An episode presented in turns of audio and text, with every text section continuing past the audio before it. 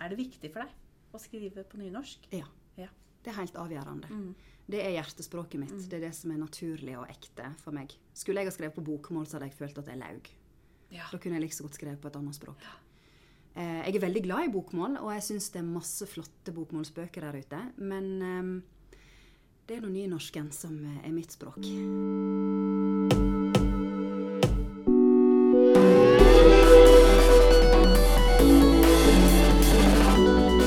Velkommen til Forfatteren og favoritten, en månedlig podkast om litteratur for unge voksne. Forfatteren og favoritten er podkasten der en UV-forfatter forteller om sine egne bøker, og aller mest om sin UV-favoritt. Gjesten denne gangen er Ane Barmen. Hun har nettopp gitt ut sin andre bok. Med begge bøkene har hun høstet strålende kritikk. For debutboka 'Draumer betyr ingenting' vant hun Brageprisen og er nominert til Nordisk råds litteraturpris. Jeg heter Cecilie Lysell, og denne episoden spilles inn på Skien bibliotek.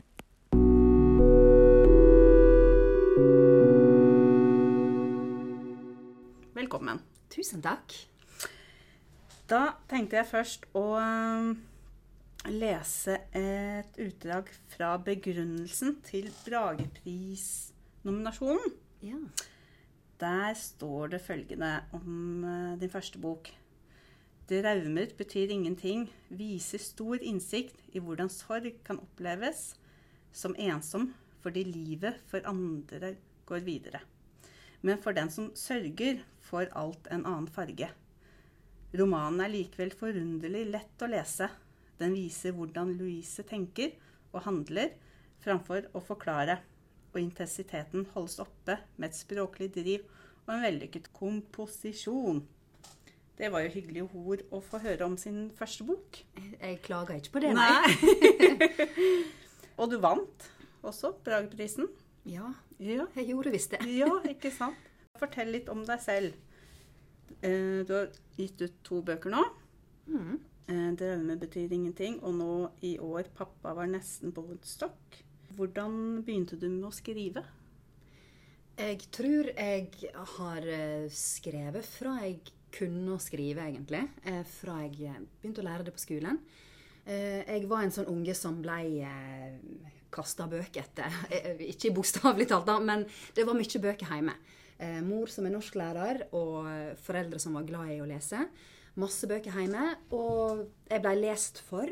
Eh, Og jeg tror at for mange av oss som blir lest mye for som unger, og når du blir glad i bøker sjøl, så får den gjerne et ønske om å skrive sine egne historier. Eh, I alle fall fikk jeg det veldig tidlig. Og elsker å skrive stil på skolen, og jeg skrev mye sjøl. Jeg skrev dagbok, og jeg skrev noveller og dikt og små fortellinger. Begynte på min første roman da jeg var åtte, eh, som aldri ble fullført. Men eh, ja, skrivinga har vært med meg alltid. Mm. Mm. Og så fortsatte det når du ble eldre, og du tok det litt mer alvorlig, da? Ja, jeg slutta jo noen år fordi jeg på en måte tenkte at nei, men jeg, det er jo skuespiller jeg skal bli. Så jeg eh, begynte å eh, ja, utdanne meg til skuespiller og ble det. Men etter hvert um, Når du er skuespiller, så jobber du så mye med tekst. Og med skuespill og med filmmanus og sånt. Og eh, da kjente jeg mer og mer på at åh, jeg har jo historier jeg har lyst til å fortelle. Jeg har jo lyst til å Det er jo den der eh, gamle drømmen som har vært med meg alltid om å skrive mine egne bøker. Så da begynte jeg å ta det opp igjen etter jeg var ferdig utdanna. Og holdt på ganske mange år og ble refusert noen ganger før jeg kom inn på Gyldendal sin skriveskole. Og da måtte jeg på en måte ta mer seriøst tak i det, da, selvfølgelig, når jeg gikk der. Så eh, da ble det til hvert bok, da. Etter jeg hadde gått ut av den skolen. Ja. Så fantastisk å kunne skrive sin egen bok. Veldig kjekt. Ja, eh, Hvordan er det du jobber for å få fram tekster? Eh, har du en idé, og så lager du eh, fortellingen ut ifra det? Eller er det scener du ser for deg? Det varierer nok litt, men um, jeg har ofte bare en litt sånn generell følelse av et miljø jeg har lyst til å skildre, eller en tematikk jeg har lyst til å ta opp, eller eh, For meg, dette med personer og scene og dramaturgi og sånn, det er noe jeg må jobbe veldig hardt for å få fram. Jeg er ofte mye mer en sånn følelse av ah, jeg vil i, i det landskapet der en plass. Jeg vil skrive noe om to gamle damer på en sykehjem. Eh, og så må liksom resten av fortellinga komme etter hvert. Så jeg er ikke noen sånn her plott-type. Jeg er ikke sånn jeg tror aldri jeg kunne klart å skrive en krim, liksom. For da må du ha, tenke så veldig plott og handling og action og sånn. Jeg er jo ikke der. Nei, du har det ikke helt for deg hvordan hele fortelling skal gå. Det må jeg tvinge ut av meg, liksom. Og det må jo være der. Det må jo være handling og ting som skjer, og utvikling i karakterene og sånt. Men eh, der må jeg jobbe mye hardere, eh, egentlig, for å få fram fortellinga. Ja. Mm. Mm. Men blir du veldig glad i karakterene du lager? ja, jeg elsker dem. Ja. Ja. Det, det blir litt sånn Ja, det blir folk jeg blir veldig opptatt av og går og tenker mye på. Og um, ja, får omsorg for. det. De er jo babyene mine på mange måter. ja, ikke sant? Ja. Mm. Men blir du overraska over hva figurene dine gjør? Har de egne liv? Eh, Nei. nei. Det har ikke de. Uh, jeg finner dem jo på. Um, så eh, Men jeg kan bli overraska over ting som skjer i skriveprosessen. At um, Særlig når jeg er i den der første fasen med å på en måte få skrevet ut et første utkast til ei historie. Da kan det overraske meg hvor mye som gjøres utafor arbeidsrommet. Uh, når jeg har fritid, når jeg lager middag, eller når jeg går tur med hunden. Eh, så går jeg og kverner på det nesten døgnet rundt i en veldig intensiv periode. Og neste dag når jeg kommer til Mac-en og skal skrive igjen, så har det plutselig skjedd ting i historien som Ja. jeg ikke var klar over. Ja. Men da har jeg gjerne gått og jobba for seg sjøl, eh, uten at jeg egentlig må legge meg opp i det. Og så har det plutselig kommet inn en ny omstendighet eller en ny ting jeg har lyst til å legge til, eller ei setning jeg kan bruke. Det er veldig spennende. Mm. Mm. Får du mye hjelp fra redaktøren på å jobbe fram historien? Eller Um, jeg gjorde det nok litt mer med drømmer. Mens med Woodstock, som er den nyeste boka mi, da tror jeg nok at jeg gjorde det meste sjøl, tror jeg. Men jevnt over så er jeg veldig glad i de redaktørene jeg har jobba med, og de er uvurderlige i arbeidet. Vi burde snakke mye mer om hvor viktige redaktører er i prosessen med å lage ei bok.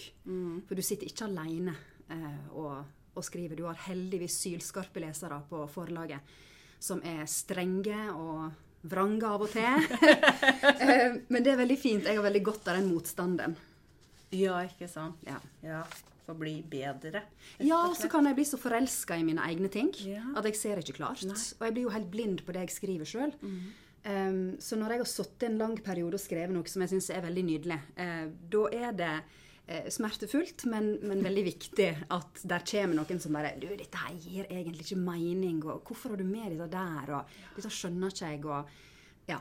Eh, sånne kommentarer som det er kjempeviktige å få. Ja, ville kanskje drømmer betyr ingenting sett litt annerledes ut? Ja, er du galen? Ja. Det hadde vært ei helt annen bok. Ja. Ei betydelig dårligere bok. Hvis ikke redaktøren min hadde vært sånn på hogget. Ja. Ja. For hva var planen i førsteutkastet av boka? Gikk Der var ingen plan. Det var, Nei, det var jo litt av problemet. For da hadde jeg på en måte ingen arbeidsstrategi, og jeg jobba veldig intuitivt. og det ene tok det andre, og jeg bare hoppa på alt jeg syntes var morsomt. Og så etter hvert når jeg skjønte at ok, de er interessert i å gi ut dette her, da må jeg passe på at jeg får trykt inn alt jeg noen gang har tenkt er morsomt i ei bok, for de kommer aldri til å gi ut ny bok med meg. Så jeg må bare utnytte at de er så dumme at de har gått med på dette. Um, men, um, så det var, vel, det var en veldig kaotisk prosess, og jeg uh, ante ikke hvor jeg skulle da jeg begynte å skrive. Og, så det var jeg veldig klar på at neste bok, da skal jeg jobbe ryddigere. Da skal jeg ha en plan og et skjelett og en dramaturgi fra A til Å. Så det hadde jeg, og den skriveprosessen gikk veldig mye kjappere og enklere. Du har liksom funnet din måte å skrive på? Jeg tror kanskje det. Ja.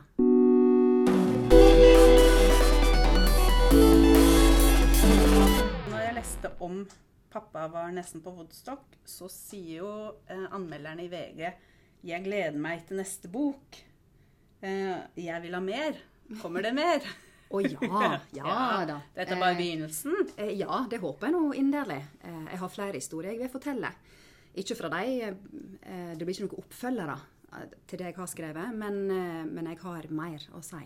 Så om Gyldendal er med, så, så er jeg med. Så bra, så bra. Eh, men bruker du mye av teaterbakgrunnen i bøkene? Ja, Mm. det gjør jeg. Eh, jeg er jo utdanna method actor, så det er jo på en måte en skuespillerteknikk der du jobber veldig mye ut ifra dine egne erfaringer, og ikke minst eh, det, det sensoriske. Hvordan ting fysisk føles. Eh, så det er jeg ekstremt opptatt av når jeg skriver. Jeg sier veldig sjelden Jeg tror ikke jeg noen gang skriver 'han er sint'. Jeg beskriver hvordan det er i kroppen, eller hvordan de agerer på det sinnet. Eh, Så det er sånne ting da, det er jeg veldig veldig opptatt av. Um, hvordan ting fysisk er i kroppen. For da blir det veldig mye mer levende. Uh, og jeg tror at for de som leser, så er det lettere å sette seg inn i og forstå figurene de leser om. Um, jeg har ikke lyst til å mate folk med info jeg ved at de skal kunne tolke sjøl. Så det har jeg 100% fra skuespillerutdanninga mi. Mm. Og det funker veldig. Man, man, når man leser bøkene dine, så ha, får man en sånn følelse inni seg. Og så, som med 'Drømmer betyr ingenting', så vet du jo at Tormod skal dø. Mm. Men likevel så sitter du, har du liksom følelsen inni deg at nei, nei, dette Ja. det går jo ikke. Og vi gråter og vi gråter når, når Ja, men det er jo veldig hyggelig for meg ja, å høre. ja, man vekker noen følelser. Det er jo Mm. det som er viktig med litteraturen. Ja, det følelsene. tenker jeg òg. At vi skal ikke være redd for følelser i bøker. Men vi må passe oss for å ikke bikke helt over. Det skal ikke bli føleri-følere. Eh, som kan være en fare både som skuespiller og som skribent. Eh, men å heller vise fram det som gjør vondt, framfor å fortelle folk dette her er trist, altså. Dere ser at dette er trist, vel? Eh, det er ikke min jobb. Jeg skal bare nei. vise fram det som er der. Og så skal folk få tolke sjøl. Ikke sant? Du tar eh, leseren på alvor. At den skal forstå, lese mellom linjene, da. Ja, det er jo eh, håpet mitt, da. At eh, jeg har jo veldig tillit til at folk som leser bøker, klarer å skjønne hva som står der. Eh, jeg, det er ikke min jobb å mate folk med teskjed, tenker jeg. Jeg skal ehm, Ja, det handler noe om å ja, vise fram og bare Litt som du ville gjort i en film, da. Ikke stå, En skuespiller står jo veldig sjelden Eller står på scenen og, og roper til publikum 'Å, så sint jeg er!' Eller 'Å, så forelska jeg er'. Nei, det, du ser det på kroppen, og du ser det på måten de snakker, og stemmeleie og alle sånne ting. Det er det som gjør det interessant å lese, da, syns jeg. At du får lov til å lage dine egne bilder og um, ja, tolke sjøl hvorfor oppfører folk seg sånn som de gjør. Og ja.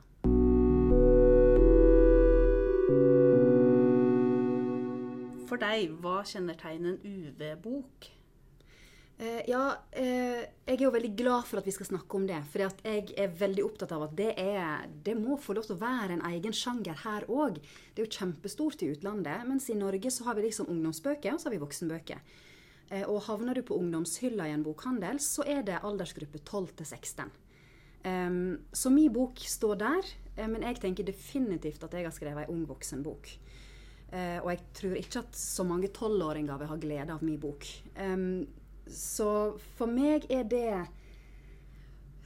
eh, ei, en type bøker som tar voksne ungdommer, modnere ungdommer, på alvor. Eh, både i tematikk og i språk og i handling. At em, at det ikke Ja, at det, at det er på en måte voksenbøker, men at kanskje mer handlinga og personene er litt yngre. em, men at det er retta mot unge voksne, for det er jo ungdommer fra sånn 16-17-18. De begynner å nærme seg det voksne, uten at de er det helt. Em, så det at ja, at dere snakker mer om en UV-sjanger, er jeg veldig glad for, og det syns jeg vi skal gjøre eh, på flere områder. Ja, ikke sant. De er jo for en, en, en gruppe for seg. Mm. Ik ikke voksne, men ikke unger heller. Uh, Nei.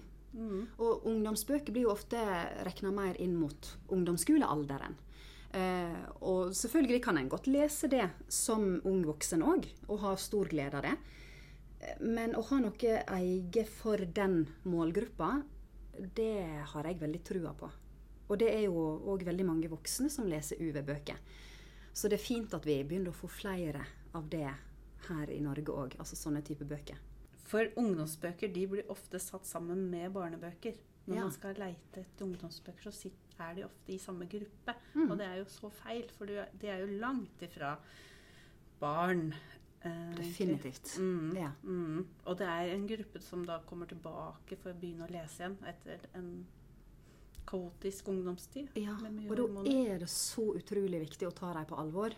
Og gi dem de historiene og det språket de fortjener, og som de er modne nok til å takle.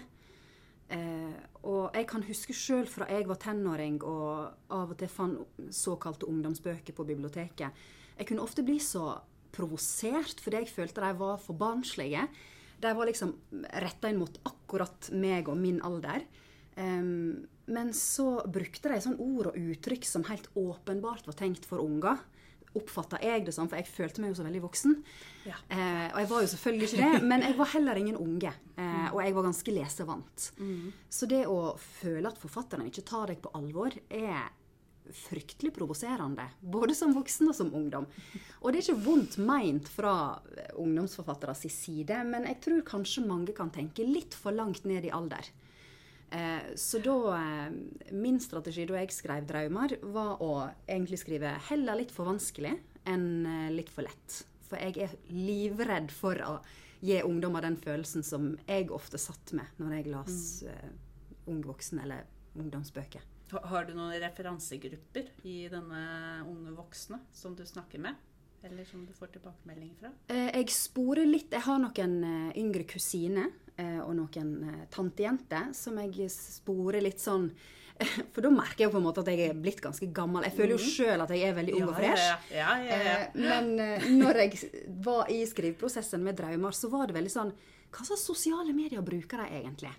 Eh, De er veldig lite på Facebook, ikke nødvendigvis så aktive på Instagram, så jeg måtte liksom spørre litt disse kusinene mine. Hva bruker du av sosiale medier? Også sånne ting som eh, Jeg hadde så lyst til å skrive om røyking og smugrøyking og sånt, og så ble jeg plutselig sånn Men jeg har nå lest noen artikler om at ungdom i dag er så sunne. ja, Røyker de lenger? Eh, så det Ja, og hvor, eh, hvor grovt snakker de? Banner de? Altså, ja, sånne ting måtte jeg liksom gjøre litt research på. Men ellers har jeg gått veldig mye på gefühl. ja, ikke sant? Ja. Og det har jo funka. Jeg håper det. Ja. Ja.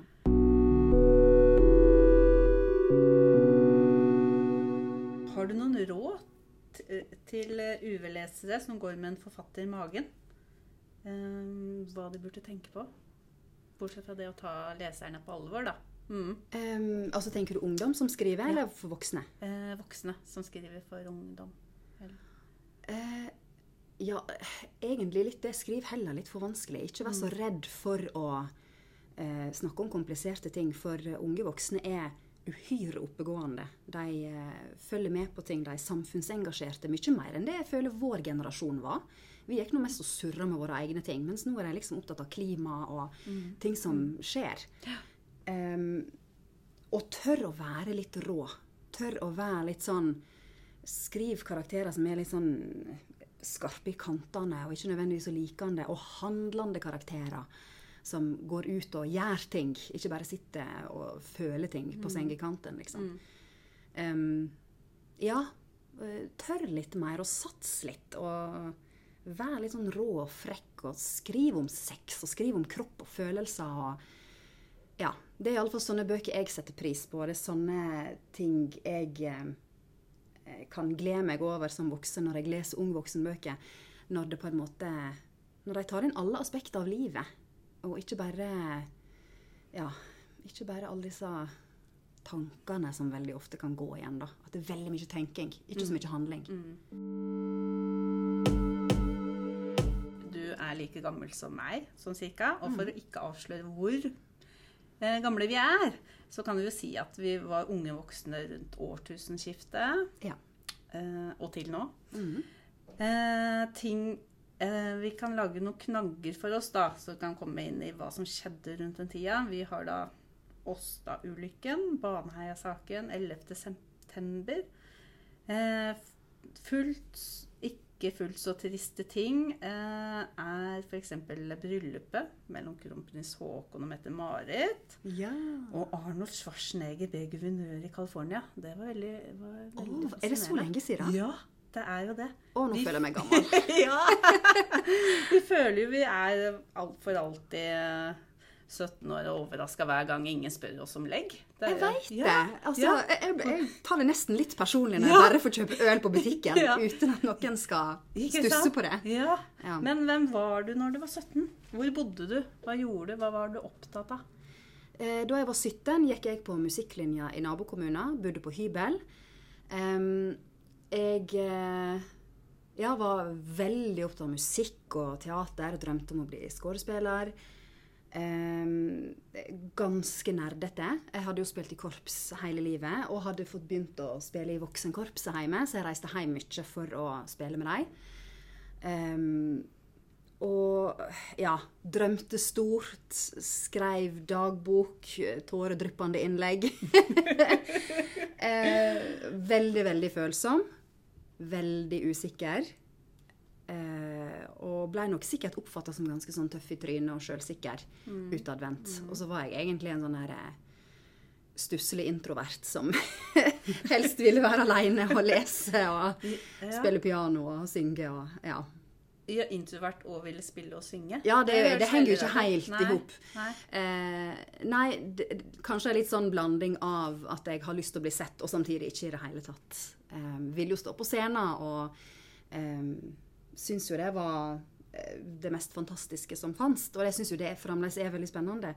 Eh, men jeg hadde kanskje ikke helt forsont meg med at jeg òg trenger veldig mye tid på å hente meg inn. og eh, at jeg i perioder kan være litt sånn einstøing, og at det er greit. Det, det er lov å være sånn òg. Men jeg hadde jo så lyst til å være sånn kul ekstrovert type. Hva ville du sagt til deg selv nå, hvis du hadde møtt deg? Slapp av. Det kommer til å ordne seg. Du er helt OK. Ja, for det Ja, jeg, hadde, jeg bala mye med sånn tanke om at jeg ikke var flink nok og ikke pen nok og ikke um, Jeg hadde lyst til å være flink, hadde lyst til å være best. Uh, og det, det er jo tanker jeg kan bale med enda, men nå har jeg liksom etter hvert som jeg har blitt voksen, fått litt mer sånn redskap til å takle de tankene. Og det hadde jeg ikke da. Um, så ja, nei, jeg ville bare sagt senk skuldrene, og det, dette her kommer til å ordne seg, liksom. Du, du er bra nok. Du trenger ikke bevise noe.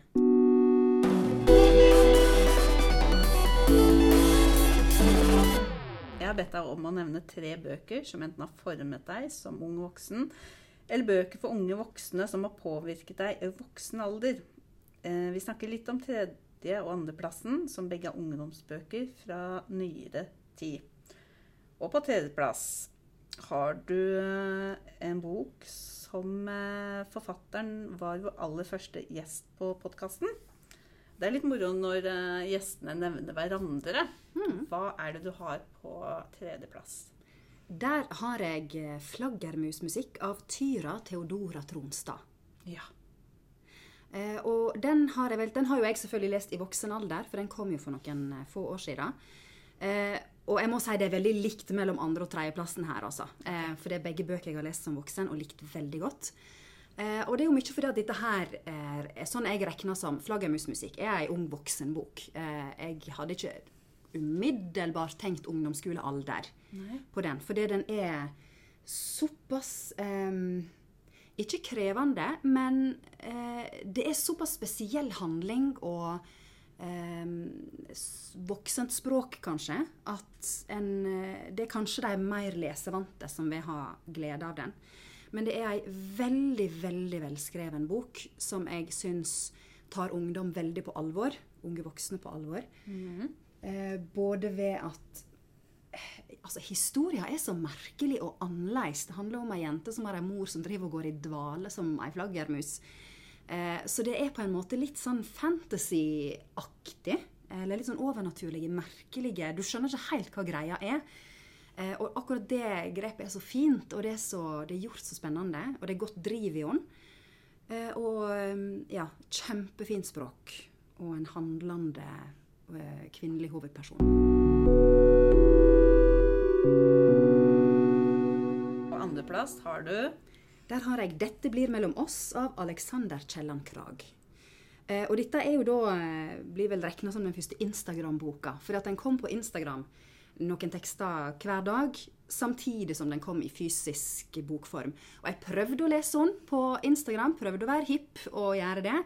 Og fikk helt fnatt fordi at nei, så lite tekst og liten skjerm. Og jeg er gammel dame, jeg må ha ei fysisk bok.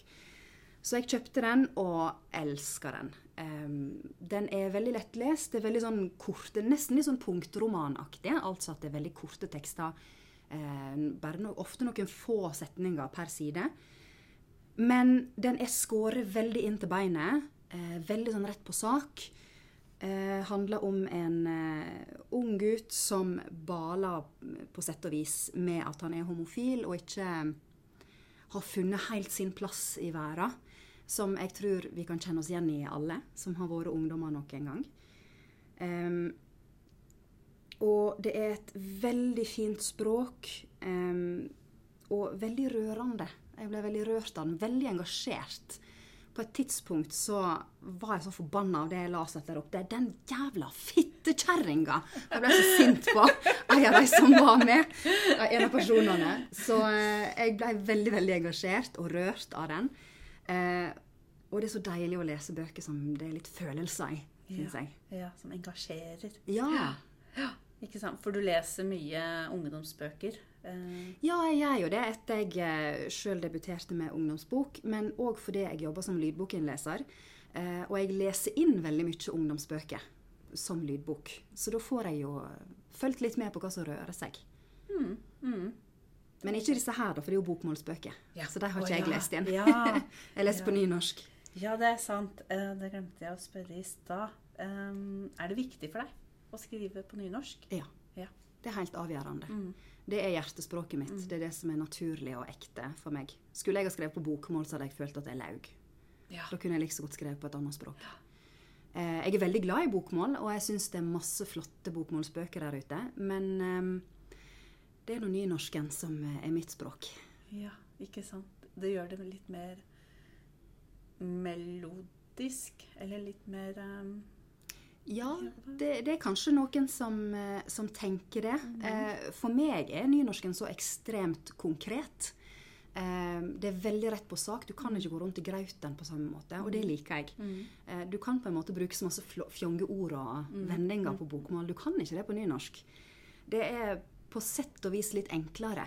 Og, og jeg syns kanskje at jeg kan være litt frekkere og eh, morsommere på Ja. nynorsk Ja. enn jeg kun, tror jeg kunne ha vært på bokmål. Da har vi kommet til førsteplassen, gullplassen. Og hvem har fått den? Den måtte gå til Knut Hamsun si 'Markens grøde'. Hvorfor det? Den las jeg som ung voksen. Jeg tror kanskje jeg var sånn akkurat 20 eller kanskje 21 da. Eh, Men det er ei bok som gjorde så intenst inntrykk på meg den gangen. Og eh, er med meg enda. Jeg tror jeg fremdeles har den på min sånn indre topp tre beste bøker jeg noen gang har lest-liste. Eh, og det som fascinerte meg den gangen, og som fremdeles fascinerer meg, jeg har nettopp lest om på nytt, er det at den handler jo ikke om noen ting. Det er en mann som dyrker jorda. Og han, eh, han sår, og han graver, og han bygger seg hus, og så får han seg en, litt sånn utstyr, og han gifter seg og får noen unger. Det skjer så lite, men språket er altså så vidunderlig at det kiler i magen. Jeg blir helt sånn yr og eh, gira av å lese Hamsun. Eh, fordi at eh, Ja, jeg leste den på nytt nå, da, for, for litt siden. Og ja, en av de første scenene handler om eh, Isak Sellandrå som sår. Han pløyer, og så sår han.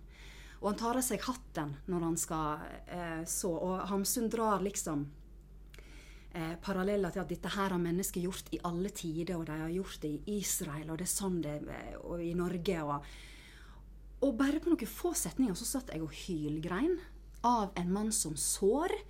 Og det er bare pga. måten det er skrevet på. For du, det blir noe sånn, nesten litt sånn religiøst og guddommelig over det.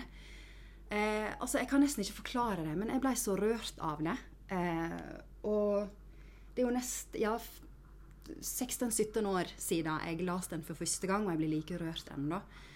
Um, så det, det er ei magisk bok på veldig mange måter. Den er helt glitrende. Eh, og så må en selvfølgelig se vekk fra rasismen mot samer og sånne ting som er der. Eh, ja. ja. Ja. Eh, for Hamsun er jo en komplisert person på flere måter. Men som forfatter og som språkbruker er han uovertruffen ja. i mine øyne. Når, hvor gammel var du når du leste den første gangen? Jeg tror jeg var sånn 20, 21. Ja. Og det har på en måte forma meg eh, ganske mye. For da skjønte jeg det der med OK, jeg er en sånn som er mest opptatt av språk. Jeg er ikke så opptatt av handling. Sånn kan jeg prøve å skrive. Og selvfølgelig er jo jeg sjukt langt unna Hamsun på alle måter, men eh, det med å dyrke språket og setningene eh, i måten jeg jobber på, eh, har jeg, prøver jeg å herme etter Hamsun. Og ikke være så Ikke være urolig over at det ikke skjer så mye. For språket kan bety alt, spør du meg. Var det noe forskjell fra du leste den nå og, og når du var 21?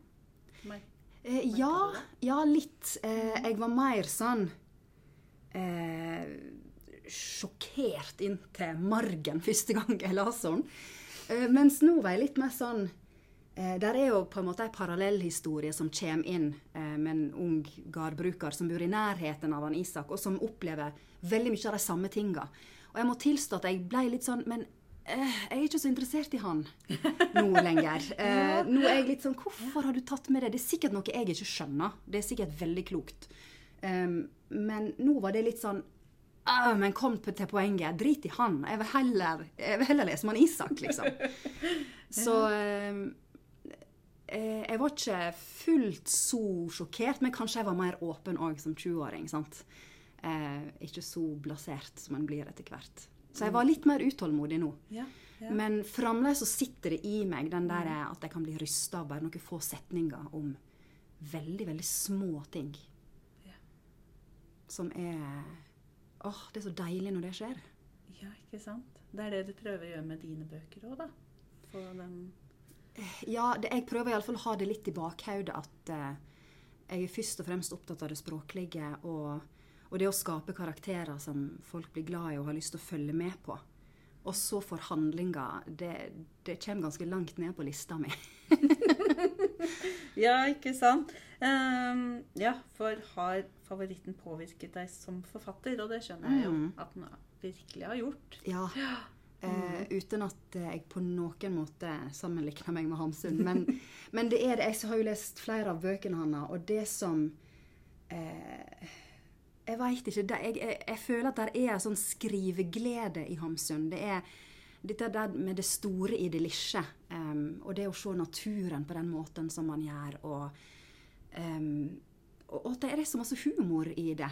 Uh, og sånn som i 'Markens grøde', så du får sånn godhet for Isak Selland Roff, som er litt sånn tosk innimellom. Og han Han er på mange måter som et lite barn. Han er så lett å glede. Eh, og du gjennomskuer det som leser. Men det blir ikke gjort narr av i boka, for Hamsun bare viser det fram. Eh, og så tenker jeg åh, du er nå så teit, du, Isak. Men jeg blir glad i han likevel, da, fordi ja. det er så godt meint. Um, for han er jo en enkel mann. Um, men, Uten å eh, bli dømt for det. Mm, Mm. Mm. ja, jeg tror det er det jeg liksom syns er så fantastisk med Hamsun. Det store i det lille. Ja. For uh, hva pleier du å si når du anbefaler Hamsun til folk? Eller gjør du det? Å ja. Ja. Jeg maser jo om han hele tida. um, Senest på en ungdomsskole der jeg ble spurt om hva min favorittbok var. Da, da nevner jeg alltid 'Markens grøde'. Uh, og det er rett og slett det at eh, Jeg sier først og fremst det at det skjer ingenting. Og du blir helt trollbunden likevel, liksom. Og du blir bare sånn Altså, jeg, jeg sitter og bare sånn Yes! Han, Isak har fått seg en traktor, liksom. Åh. Og så går jeg videre ut i dagen og jeg bare sånn Åh, han har en god følelse. Fordi det går bra for han. Ja. Um, og det, det sier jo noe om hvor engasjert en blir uh, i personer som er funnet på. Mm. For den boka er jo mm, ganske gammel, kan du si. Ja, er ikke den fra 20-tallet? Eh, ja, det tenker jeg. Og likevel så Ja. engasjerer den. Ja. Ja, den, den, er, den er tidløs. Mm. Alle må lese Hamsun. Mm. Forfatteren og favoritten er et samarbeid mellom bibliotekene i Skien og Porsgrunn. Denne episoden ble spilt inn på Skien bibliotek onsdag 3.11.2021. Den som sto for det tekniske ansvaret, var Markus Patai. Redaksjonen består også av Arne Olav Hageberg og Stian Omland. Og det var jeg, Cecilie Lysell, som gjorde intervjuet. Musikken er ved Halvor Nordahl Strand. Vi er tilbake med ny episode om fire uker, og fram til da Les bøker du liker. Takk for nå.